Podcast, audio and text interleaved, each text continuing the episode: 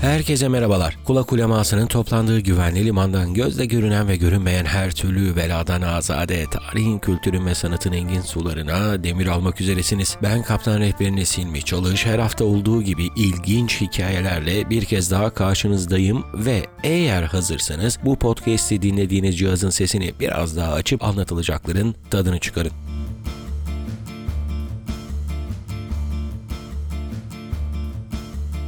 Bir kez daha hoş geldiniz, sefa geldiniz, ne iyi ettiniz de geldiniz diye klasik girişimizi yapıp efendim uzunca süre sonra tek başına mikrofon karşısında olmanın verdiği heyecanla sizi selamlıyorum. Neden böyle söyledim? Çünkü malumunuz uzunca bir süre Oktay Türkoğlu ile beraber Ahmet Hamdi Tanpınar'ın 5 değerini konuştuk. Ondan önce yine hep böyle konuklu programlar vardı. Şimdi biraz da heyecan var mikrofonun karşısındayım. Her ne kadar canlı bir yayın olmasa da ister istemez insan mikrofonla böyle karşı karşıya kalınca tek başına bir şekilde biraz böyle heyecanlanıyor. Bakalım inşallah eskinin tadını yaşattırabiliriz diyeyim ve yavaş yavaş konuya gireyim. Çünkü programın adından da anlamışsınızdır. İstanbul ne demek? Bunu konuşacağız. Şimdi kalkıp da burada çeşitli tarihçilerin, kent tarihçilerinin veyahut da işte siyasi tarihçilerin getirmiş olduğu yorumlardan yola çıkmayacağım veya edebiyatçılardan yola çıkmayacağım. Aslında bir bilim üzerinden gideceğiz. Bu nedir? Bu etimoloji. Eğer ki benim diğer bölümlerimi dinlemişsiniz bu ilk bölümünüz değilse dikkat ettiyseniz her zaman için ama her zaman karşıma çıkan bir takım kelimelerin kökenini size anlatmaya çalışıyorum. Zira bu kelimelerin kökenini anlamak bize olguyu algılamamız için çok büyük fırsat tanıyor. Yani mimar kelimesi, efendim söyleyeyim mühendis kelimesi, Dolmabahçe'nin nereden geldiği vesaire vesaire oldukça önemli metinler barındırıyor. E hal böyle olunca da sizden gelen bazı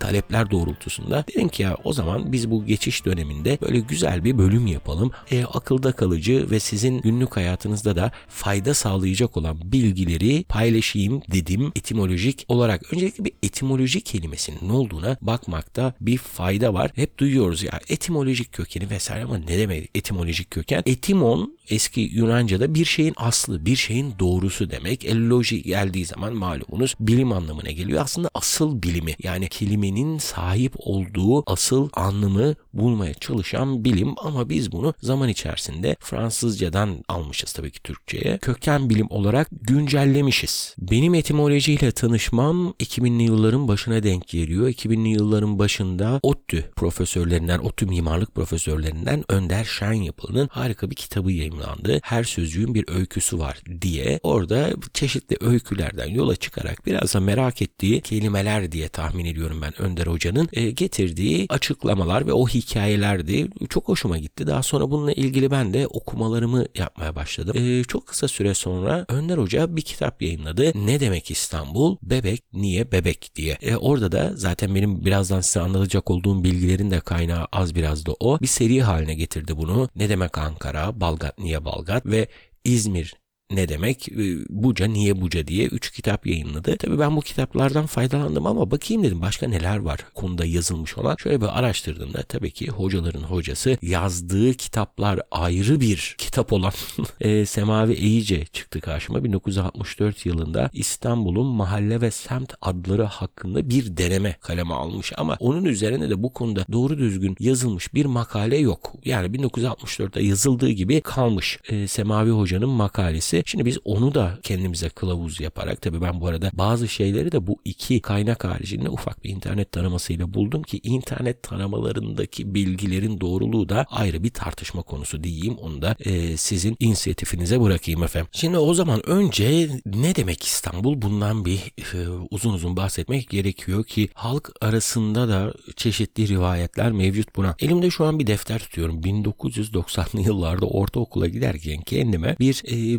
bilgi dağarcığı yapmak adına e, bir defter almıştım. Bu deftere de öğrendiğim şeyleri tek tek yazıyordum. Bunun bir yerinde İstanbul şehrinin adları diye 76 farklı tanımlama yazmışım. Yani bunun içinde Taht-ı Rum var, şehri Konstantin var, efendime söyleyeyim Der Saadet var, Konstantiniye malum zaten. Onun haricinde Miklagard diye bir e, isimlendirme var. Onda daha çok e, Vikingler veriyor. Efendime söyleyeyim Gulgule-i Rum var, Sekunda Roma var tabii ki ikinci Roma anlamına gelen böyle farklı farklı 76 tane her topluluk kendi hayal dünyalarında İstanbul'u adlandırmışlar değerli dinleyenler. Şimdi bunların hepsine ben teker teker girmeyeceğim tabii ki. Eponim kavramı üzerinden biraz bahsetmek istiyorum. Eponim aslında isim babası diyebiliriz biz buna. İstanbul'un ilk isim babası Kral Bizas. Kral Bizas malum Yunan Yarımadası'ndan Delphi kahininden almış olduğu kehanetle beraber gelir bu topraklara bir şehir iskan eder. Detayları atlayalım ve kendi adıyla anılan kenti kurar Bizantiyon. Yani Bizas'ın kenti şehrin ilk adı bu olur. Daha sonraki dönemde bir ara Antonine olur. İmparator Karakalla'nın annesinin adı filan yani. Böyle çok değişik isimlendirmeye de gitmiş kent. Onun haricinde şöyle bir baktığımız zaman tabii ki Konstantin döneminde önce Sekunda Roma yani ikinci Roma veya Neo Roma, Yeni Roma e, adlarına gelir. Çünkü malumunuz müşterek başkenti olmuştur koskoca Roma devletinin İstanbul belli bir süre olsa da Roma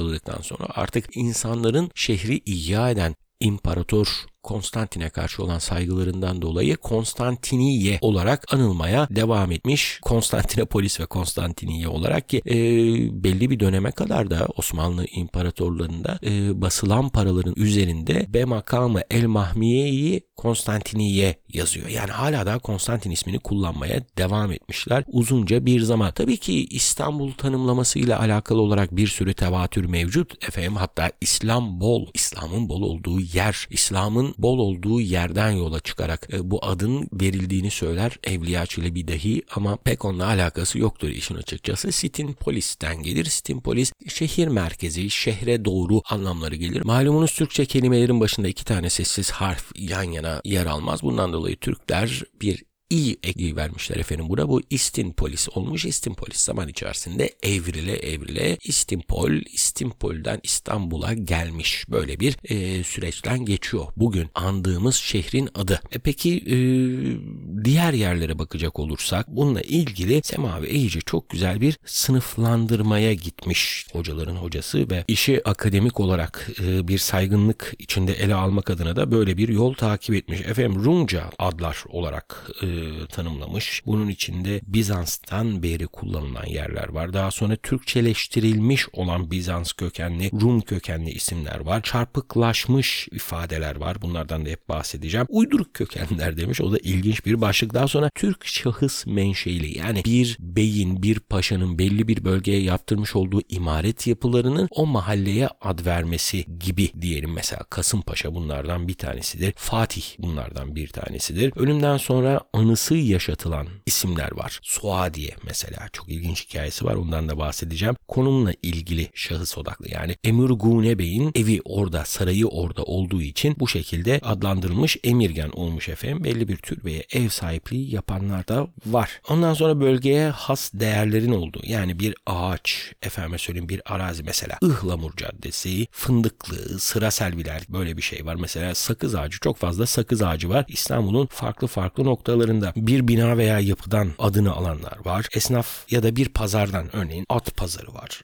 avrat pazarı var, saraçhane var gibi gibi böyle şeyler deforme olanlar var. Bunlardan da bahsedeceğim. Sosyal kökeni Aksaray, Çarşamba ve yitik yapılar ve Avrupa kökenliler olarak böyle farklı farklı şeyleri almışlar. Şimdi İstanbul ne demek diye bunun cevabını verdikten sonra e, elimizdeki iki önemli kaynaktan yola çıkarak bu isimleri anlatmaya çalışayım efendim. Ben size ki hemen de zaten şöyle başlıyor. Samatya malumunuz Samathos kelimesinden geliyor. Samathos kum demekmiş efendim ve Samafyon yani kumsal anlamına geliyor. Türkçeleşirken baştaki P düşüyor tamamen S haline alıyor ve kumsal adından geliyor. Her ne kadar önünde artık uzunca bir e, kıyı şeridi olsa da surlardan eskiden buralar efendim bir kumsalmış. Daha sonra Tarabya'ya geliyor. Tarabya terapiye yani tedavi edilen yer diye anlatmış terapi hatta bugün de söyleyebiliriz biz bunu. Terapi adını alıyor ve terapi terapi olunan tedavi edilen yer anlamına geldiğinden bu zamanla tarabyalaşmış diyeyim ben size. Pendik çok enteresan. Mesela Pendik Panteikion'dan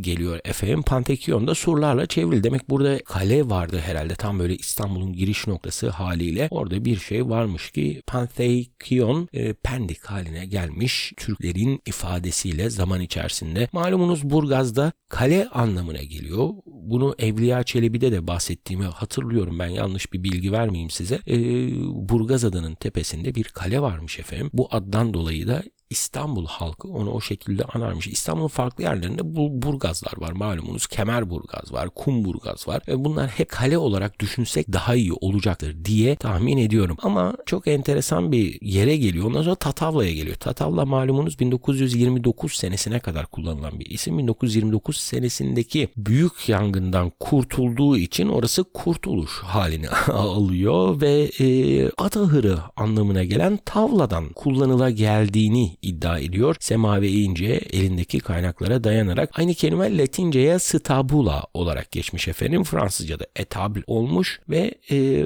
Türkçe'ye de geçmiş bu. Hatta e, Topkapı Sarayı ile ilgili bir araştırma yapıyorum şu sıra. Topkapı Sarayı'nın ahırlarına da ıstablı amire diyorlar. Yani burada bir at bakım noktası varmış diye tahmin ediyoruz. Bakırköy'e geliyor efendim. Bakırköy aslında o dönemde Hebdemon yani 7 mil demek. E, İstanbul'un merkezinden o milyon taşından tam 7 bin uzunluğunda olduğu için bu adla anılıyormuş. Ama e, zamanla değişmiş. Makrihoryon olarak anılmaya başlamış başlamış. Makrihoryon ne demek peki efendim? Şöyle baktığımızda uzun köy anlamına geliyor ama Makrihoryon biraz söylemesi zor olduğundan önce Makriköy'e döndürmüşler. Cumhuriyetle beraber de Bakırköy olmuş ki yeniden şöyle özet geçelim. Bakırköy Makrihoryon yani uzun köyden bozulmuş bir hal efendim. Ee, daha sonra hoca Langa'ya geçmiş. Langa halk dilinde liman anlamına gelen avlakanın bozulmuş halidir diye net bir ifade bırakmış. Tabi değişik yerler var. Yine bu saydıklarım hep Yunanca kökenli olan tanımlamalar Yunan dilinden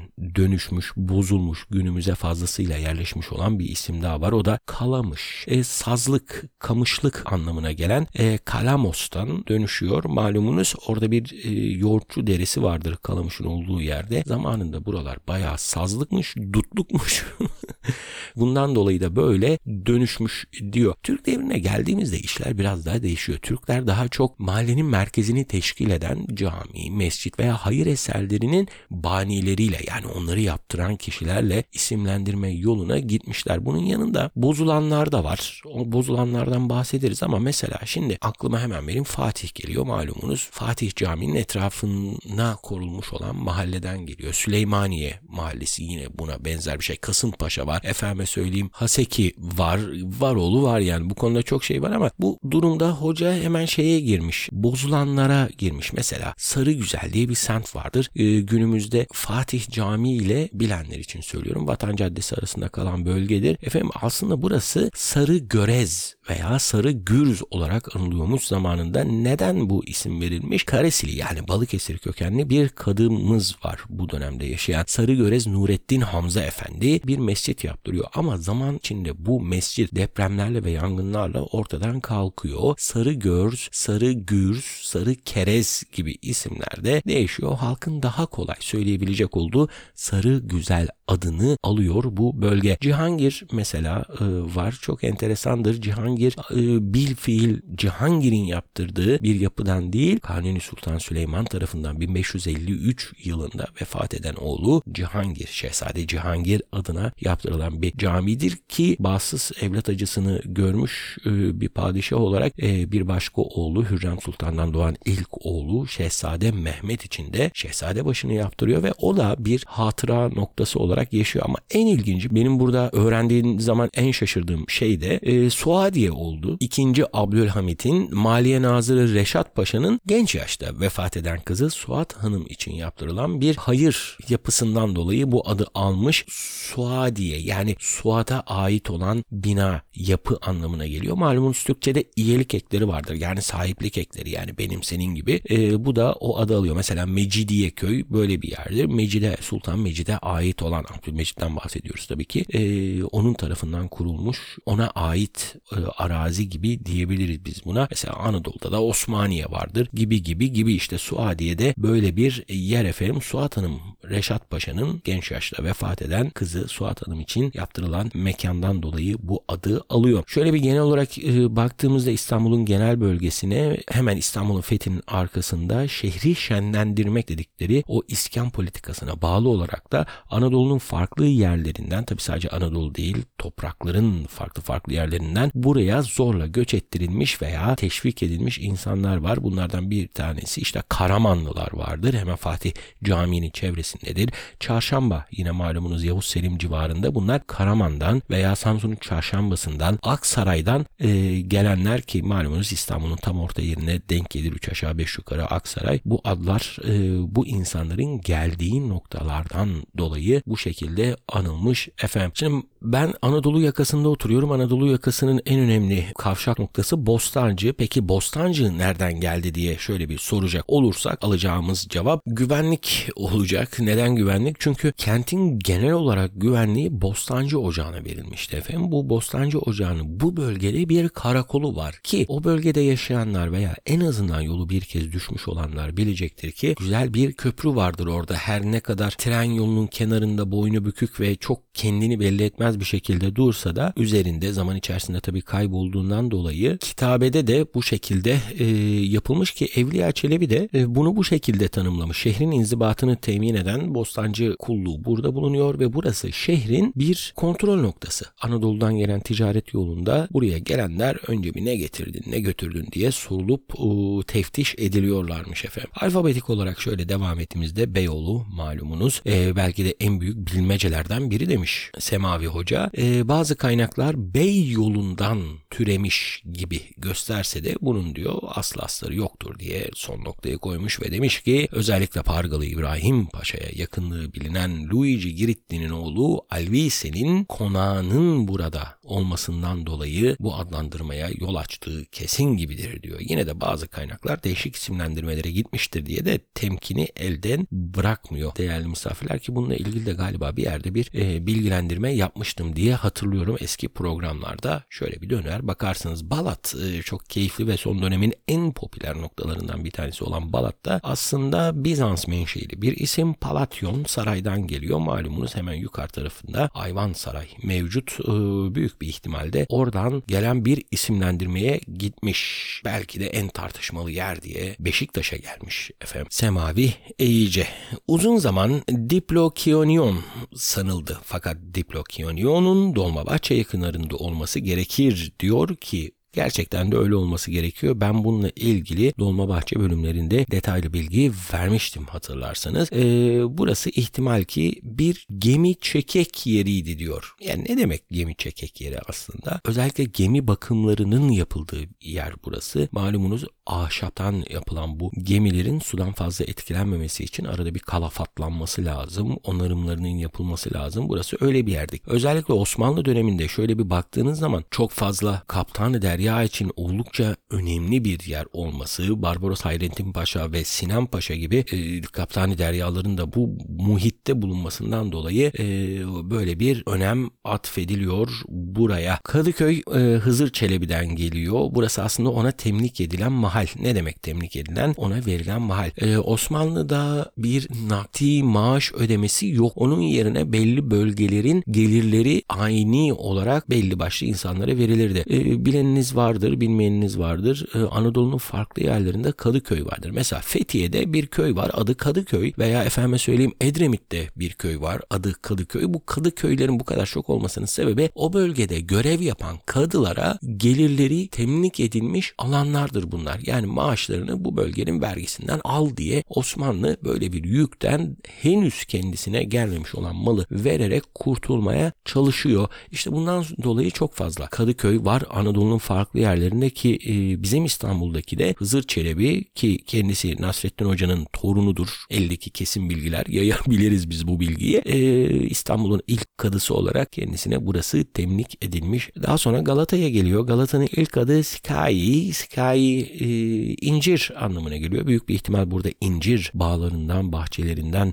dolayı bu adlandırma kendisine verilmiş. Justinianopolis olarak bir dönem anıldığından bahsediyor eldeki kaynaklar. Daha sonra Galata hem Bizans hem de Patrikhane kaynaklarında durmadan karşımıza çıkar. Her ne kadar e, Yunanca galaktos, süt kelimesinden türediği düşünülse de İtalyanca rıhtım anlamına gelen kalata'dan geldiği kesin kabul edilmiş gibidir diyor. Üsküdar var. Üsküdar e, Skotarion bundan kesin bir şekilde biliyoruz. Onunla ilgili çeşitli yaklaşımlar var. Mesela Sukutam adlı kalkanları taşıyan Roma askerleri varmış efendim. Sukutam adlı kalkanlar. Bunu bir kez daha tekrar edeyim. Ve bunların bir birliği varmış. Bunlara da Sukutarii e, adı verilirmiş. İşte bu Sukatarii'nin e, bu bölgede bir kışlası olduğundan dolayı bu Sukatarii birliğine ait olan toprak anlamında Squaterion denmiş bu bölgeye. Böyle de ilginç bir e, şey değerli misafirler özellikle e, Squaterion ama çok enteresan bir şeyden bahsediyor. Eskidar diye Farsça bir kelimeden bahsediyor. Eskidar Farsça'da ulak haberci anlamlarına geliyormuş ve bundan dolayı da bu adla da ihtimalde mevcut diyor Semavi iyice. Avrat pazarı çok ilginç bir şeydir. Herkes bunu şey zanneder bu arada. Esir pazarı olarak filan zanneder ama hayır değil. Haseki yakınlarındadır bu. Bundan da bahsettiğimi hatırlıyorum özellikle Mimar Sinan bölümlerinde alanın da satanın da kadınlardan oluştuğu pazar yeri efendim burası. İlginç yerlerden birine daha geliyoruz. Feriköy. Feriköy halk söylencisi olsa da araştırılmaya muhtaçtır diye bir e, şerh koymuş buraya Semavi Hoca. Lakin Madame Ferry adlı bir Fransızdan gelir diyor. Çok enteresan bunu daha sonra ben araştırdım. Sadece kitapta kaldığı şekliyle yetinmek istemedim. E, Monsieur Ferry'e baya bir toprak verilmiş ve bu toprak bugünkü Feriköy civarlarında olduğundan dolayı gittikçe artan baya da büyük bir yermiş burası. Nüfusla artık köyleşmiş ve e, Monsieur ve Madame Ferry'nin köyü olarak yaşamaya devam etmiş ki günümüzde de hala bu şekilde adlandırılıyor. En ilginci Pangaltı efendim. Eğer ki İstanbul'da yaşıyorsanız e, hemen Taksim'den hareket eden metroda Levent'e doğru giderken ilk duraktır Osman Bey durağı ki birazdan bahsedeceğim Osman Bey kim ola ki diye. E, oradaki çıkışlardan biri Pangaltı'dır. Bir dönem benim de orada çalıştığım bir otel vardı. Neyse efendim Bolonyalı Giovanni Battista Pancalti isminde bir beyefendi burada bir restoran açmış ve oldukça e, nam salmış ve işlerinde gittikçe büyütmüş. Böyle bir adlandırma veya anlamlandırmaya gitmiş semavi Hocam ee, onun haricinde ayrıyeten bir başlık açarak şöyle demiş efendim. Kentin farklı noktalarında zaman içerisinde dönüşmüş ama ilginç hikayeler barındıran yerler vardır. Bunlardan bir tanesi altı mermer olarak bilinen yerdir ki bir dönemde benim yaşadığım Koca Mustafa Paşa'ya yakın bir yerdir efendim burası. Konstantin Suru dışında kalan sütunlu bir yol varmış efendim. Bunun adına Exakionion yani e, dış yol, dış sütunlu yol anlamına gelen tanımlama layık görülmüş ama sur genişletilince Theodosios tarafından artık Eksi Marmaron diye anılmış. O da tam olarak çevrilişi altı mermer biz de bunu birebir çevirmişiz ve Türkçe'ye dahil etmişiz ki İstanbul'un en eski semt isimlerinden biri olabilir. Birebir çeviri olarak Maçka'ya geliyor. Maçka'da çok enteresan iki yerden geliyor. Bunlardan bir tanesi Yunanca. Maçka kalın sopa anlamına gelen Matsuka'dan ortaya çıktığı iddia edilse de yetersizdir kanaatimce. İhtimal ki nişangah anlamına gelen Maçugah kelimesinin yani bu Farsça anladığım kadarıyla maçukah kelimesinin bozulmuş hali. Maçugah, maçka yani bölgede bir nişan taşı denilen e, semtin olduğunu düşünecek olursak ok meydanı vesaire bunların hepsinin burada olduğunu düşünecek olursak ihtimal ki bu maçugahtan geliyor olabilir. Maçka kelimesi. Vaniköy vardır efendim. Vanlı Mehmet Efendi. Vani eğer zaten bir kelimenin sonunda böyle e, şehir kelimesinin sonunda uzunca bir i varsa o kente atıf vardır. Mesela işte Sadrettin Konevi vardır. Konyalı Sadrettin gibi. Efendime söyleyeyim Muhittin Arabi Arap olduğundan sebep bu şekilde tanımlanmaya e, gider efendim. İşte bu Vani köyde Vanlı bir e, Mehmet Efendi'nin ki kendisi önemli bir şahsiyettir. Başka bir zaman zamanı gelince uzun uzun konuşuruz diyeyim ve gideyim. Yine böyle isimden gelen bir kişinin isminden gelen adlandırma var. Buna Balta Limanı'nı gösterebiliriz. Balta Limanı hemen Rumeli Hisarı'na yakın bir noktada ikinci köprünün hemen altında Avrupa yakasında yer alır ve İstanbul'un fethi sırasında donanmanın başındaki Baltıoğlu Süleyman Bey'den gelirmiş. Bunun adı gemileri burada toplamış. Çünkü Baltıoğlu Süleyman Bey Balta limanında. Ondan sonra Osman Bey'e geliyoruz. Ha, biraz önce Pangaltı'dan bahsetmiştim size. Bir metro durağı olarak karşımıza çıkar. Ee, Sultan Hamit devrinin baş mabeyincisi Mehmet Reşat döneminde Halit Ziya Uşaklıgil'in yapmış olduğu görevi Sultan Hamit devrinde bu Osman Bey yapıyormuş efendim ve çocukluğundan itibaren de Sultan Hamid'e bayağı yakınmış. Babası da bir hakak yani matbaacıymış. Hatta Çemberli Taş'taki durağı şöyle düşünürseniz tramvay durağına hemen yanında bir iş hanı vardır. Onun matbaası da hemen bu iş hanının olduğu yerdeymiş. Çok gereksiz bir bilgi. Artık kafanızı karıştırmayayım e, bu Osman Bey'in Sultan Hamid'in baş mabeyincisi Osman Bey'in konağı da burada olduğu için burası onun adıyla anılır olmuş efendim. Ayvansaray ile ilgili çok çeşitli tevatür var diyor ama kanaatimce diyor Semavi Hoca hayvan bahçesinden, hayvan sarayından çünkü e, bununla ilgili herhangi bir şey paylaştığımı zannetmiyorum programlarda ama şöyle bir ifade etmekte fayda var ki uzunca bir süre e, zülafasından aslanına kadar çeşitli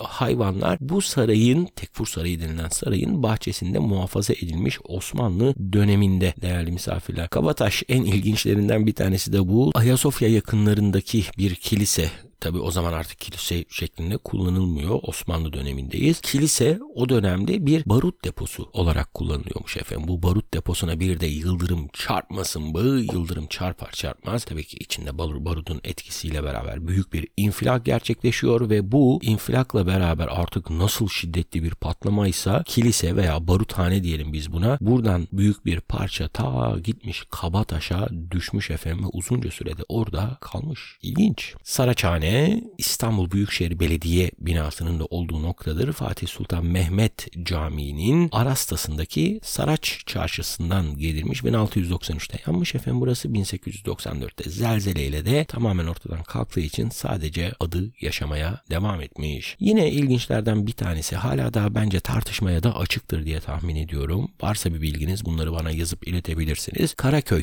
Ee, Karaköy aslında Karay köyünden gelir. Çünkü o Karay Yahudilerinin iskan edildiği noktaydı diyor Semavi İyice ve bu zaman içerisinde Y'yi kaybederek Karaköy halini aldı diyor. Harem var malumunuz uzun zaman Anadolu'dan gelen otobüslerin Anadolu yakasında yolcularını indirdiği bir yerdi. E, hemen bunun üzerinde Selimiye Kışlası vardır ki o Selimiye Kışlası'nın olduğu yerde bir saray var. Kavak Sarayı. Onun haremi bu noktada olduğundan harem adını almış. Şimdi geldik benim olduğum yere Maltepe. Malumunuz ben Maltepe'de oturuyorum. Hatta Maltepe İdeal Tepe. Tabi Osmanlı dönemine ait bir isimlendirme değil İdeal Tepe. Çok daha geç bir dönemde verilmiş bir isim ama e, Maltepe o Bizans döneminde Pelakanon olarak anılıyor ki e, bilenler varsa Maltepe sahilinde yapılmış olan geniş parkın adı da Orhan Gazi Parkı'dır. Neden Orhan Gazi Parkı? Çünkü Pelakanon Savaşı gerçekleşir Orhan Gazi döneminde Bizanslarla Bizans'ın komutanının adını şu an hatırlayamayacağım. Bu da benim ayıbım olsun. Affınıza sığınıyorum. Bir savaş gerçekleşir Maltepe'de. Sultan Orhan döneminde Osmanlı topraklarına katılır. E, hatta şöyle söyleyeyim az ileride Dragos vardır. Dragos'ta e, Orhan Tepe adıyla geçiyor resmi kaynaklarda. O da ilginç bir bilgi. Şimdilik şöyle paylaşayım bir kenara koyayım. Peki ne demek Maltepe? Aslında Anadolu'nun farklı yerlerinde de böyle Maltepeler vardır. Ankara'da vardır. Efendim söyleyeyim Anadolu'nun farklı mesela işte Eskişehir civarında biraz daha aşağıda var. Maltepe efendim define tepesi anlamına geliyor. Yani orada bir definenin gömülü olduğuna dair inanış var. Buna bağlı olarak da hemen Dragos'a geçelim. Çok enteresan bir şey. Dragos e, sözde bu Maltepe'deki defineyi koruduğuna inanılan bir ejderhanın, bir canavarın yaşadığı yer diye ta Bizans döneminden beri kanaat getirilmiş bir söylence. Çok ilginç bir hikayedir bu. Evet e, Maltepe'de bir define varmış. Artık hangi tepesinde Maltepe'nin bilmiyorum. Altın Tepede mi, Ada Tepe'de mi efendime söyleyeyim. Ama e,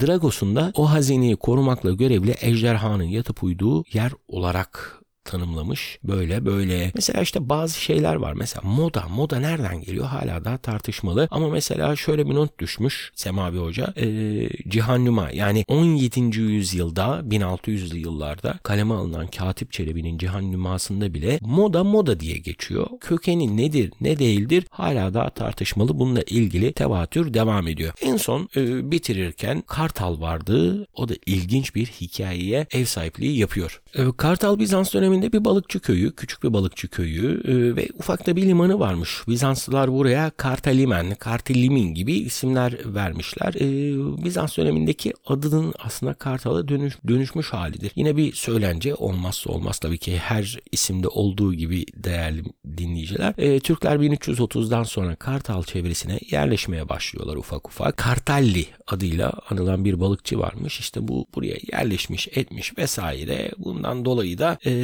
bu adla anılır olmuş. Kartelli, Kartelimen ve sonunda Kartal olmuş. Tabii o kadar çok yer var ki artık bunlardan hangisini anlatmak, hangisini unuttuk, ayıp oldu filan demek biraz artık sizin insafınıza bırakıyorum diyeyim ben. O yüzden de yavaş yavaş şöyle sonuna doğru gelirken en içten saygılarımı iletiyorum. Umarım becerebilmişimdir. Umarım hoşunuza gitmiştir diyeyim ve adettir sürçülisan ettiysek affola efendim.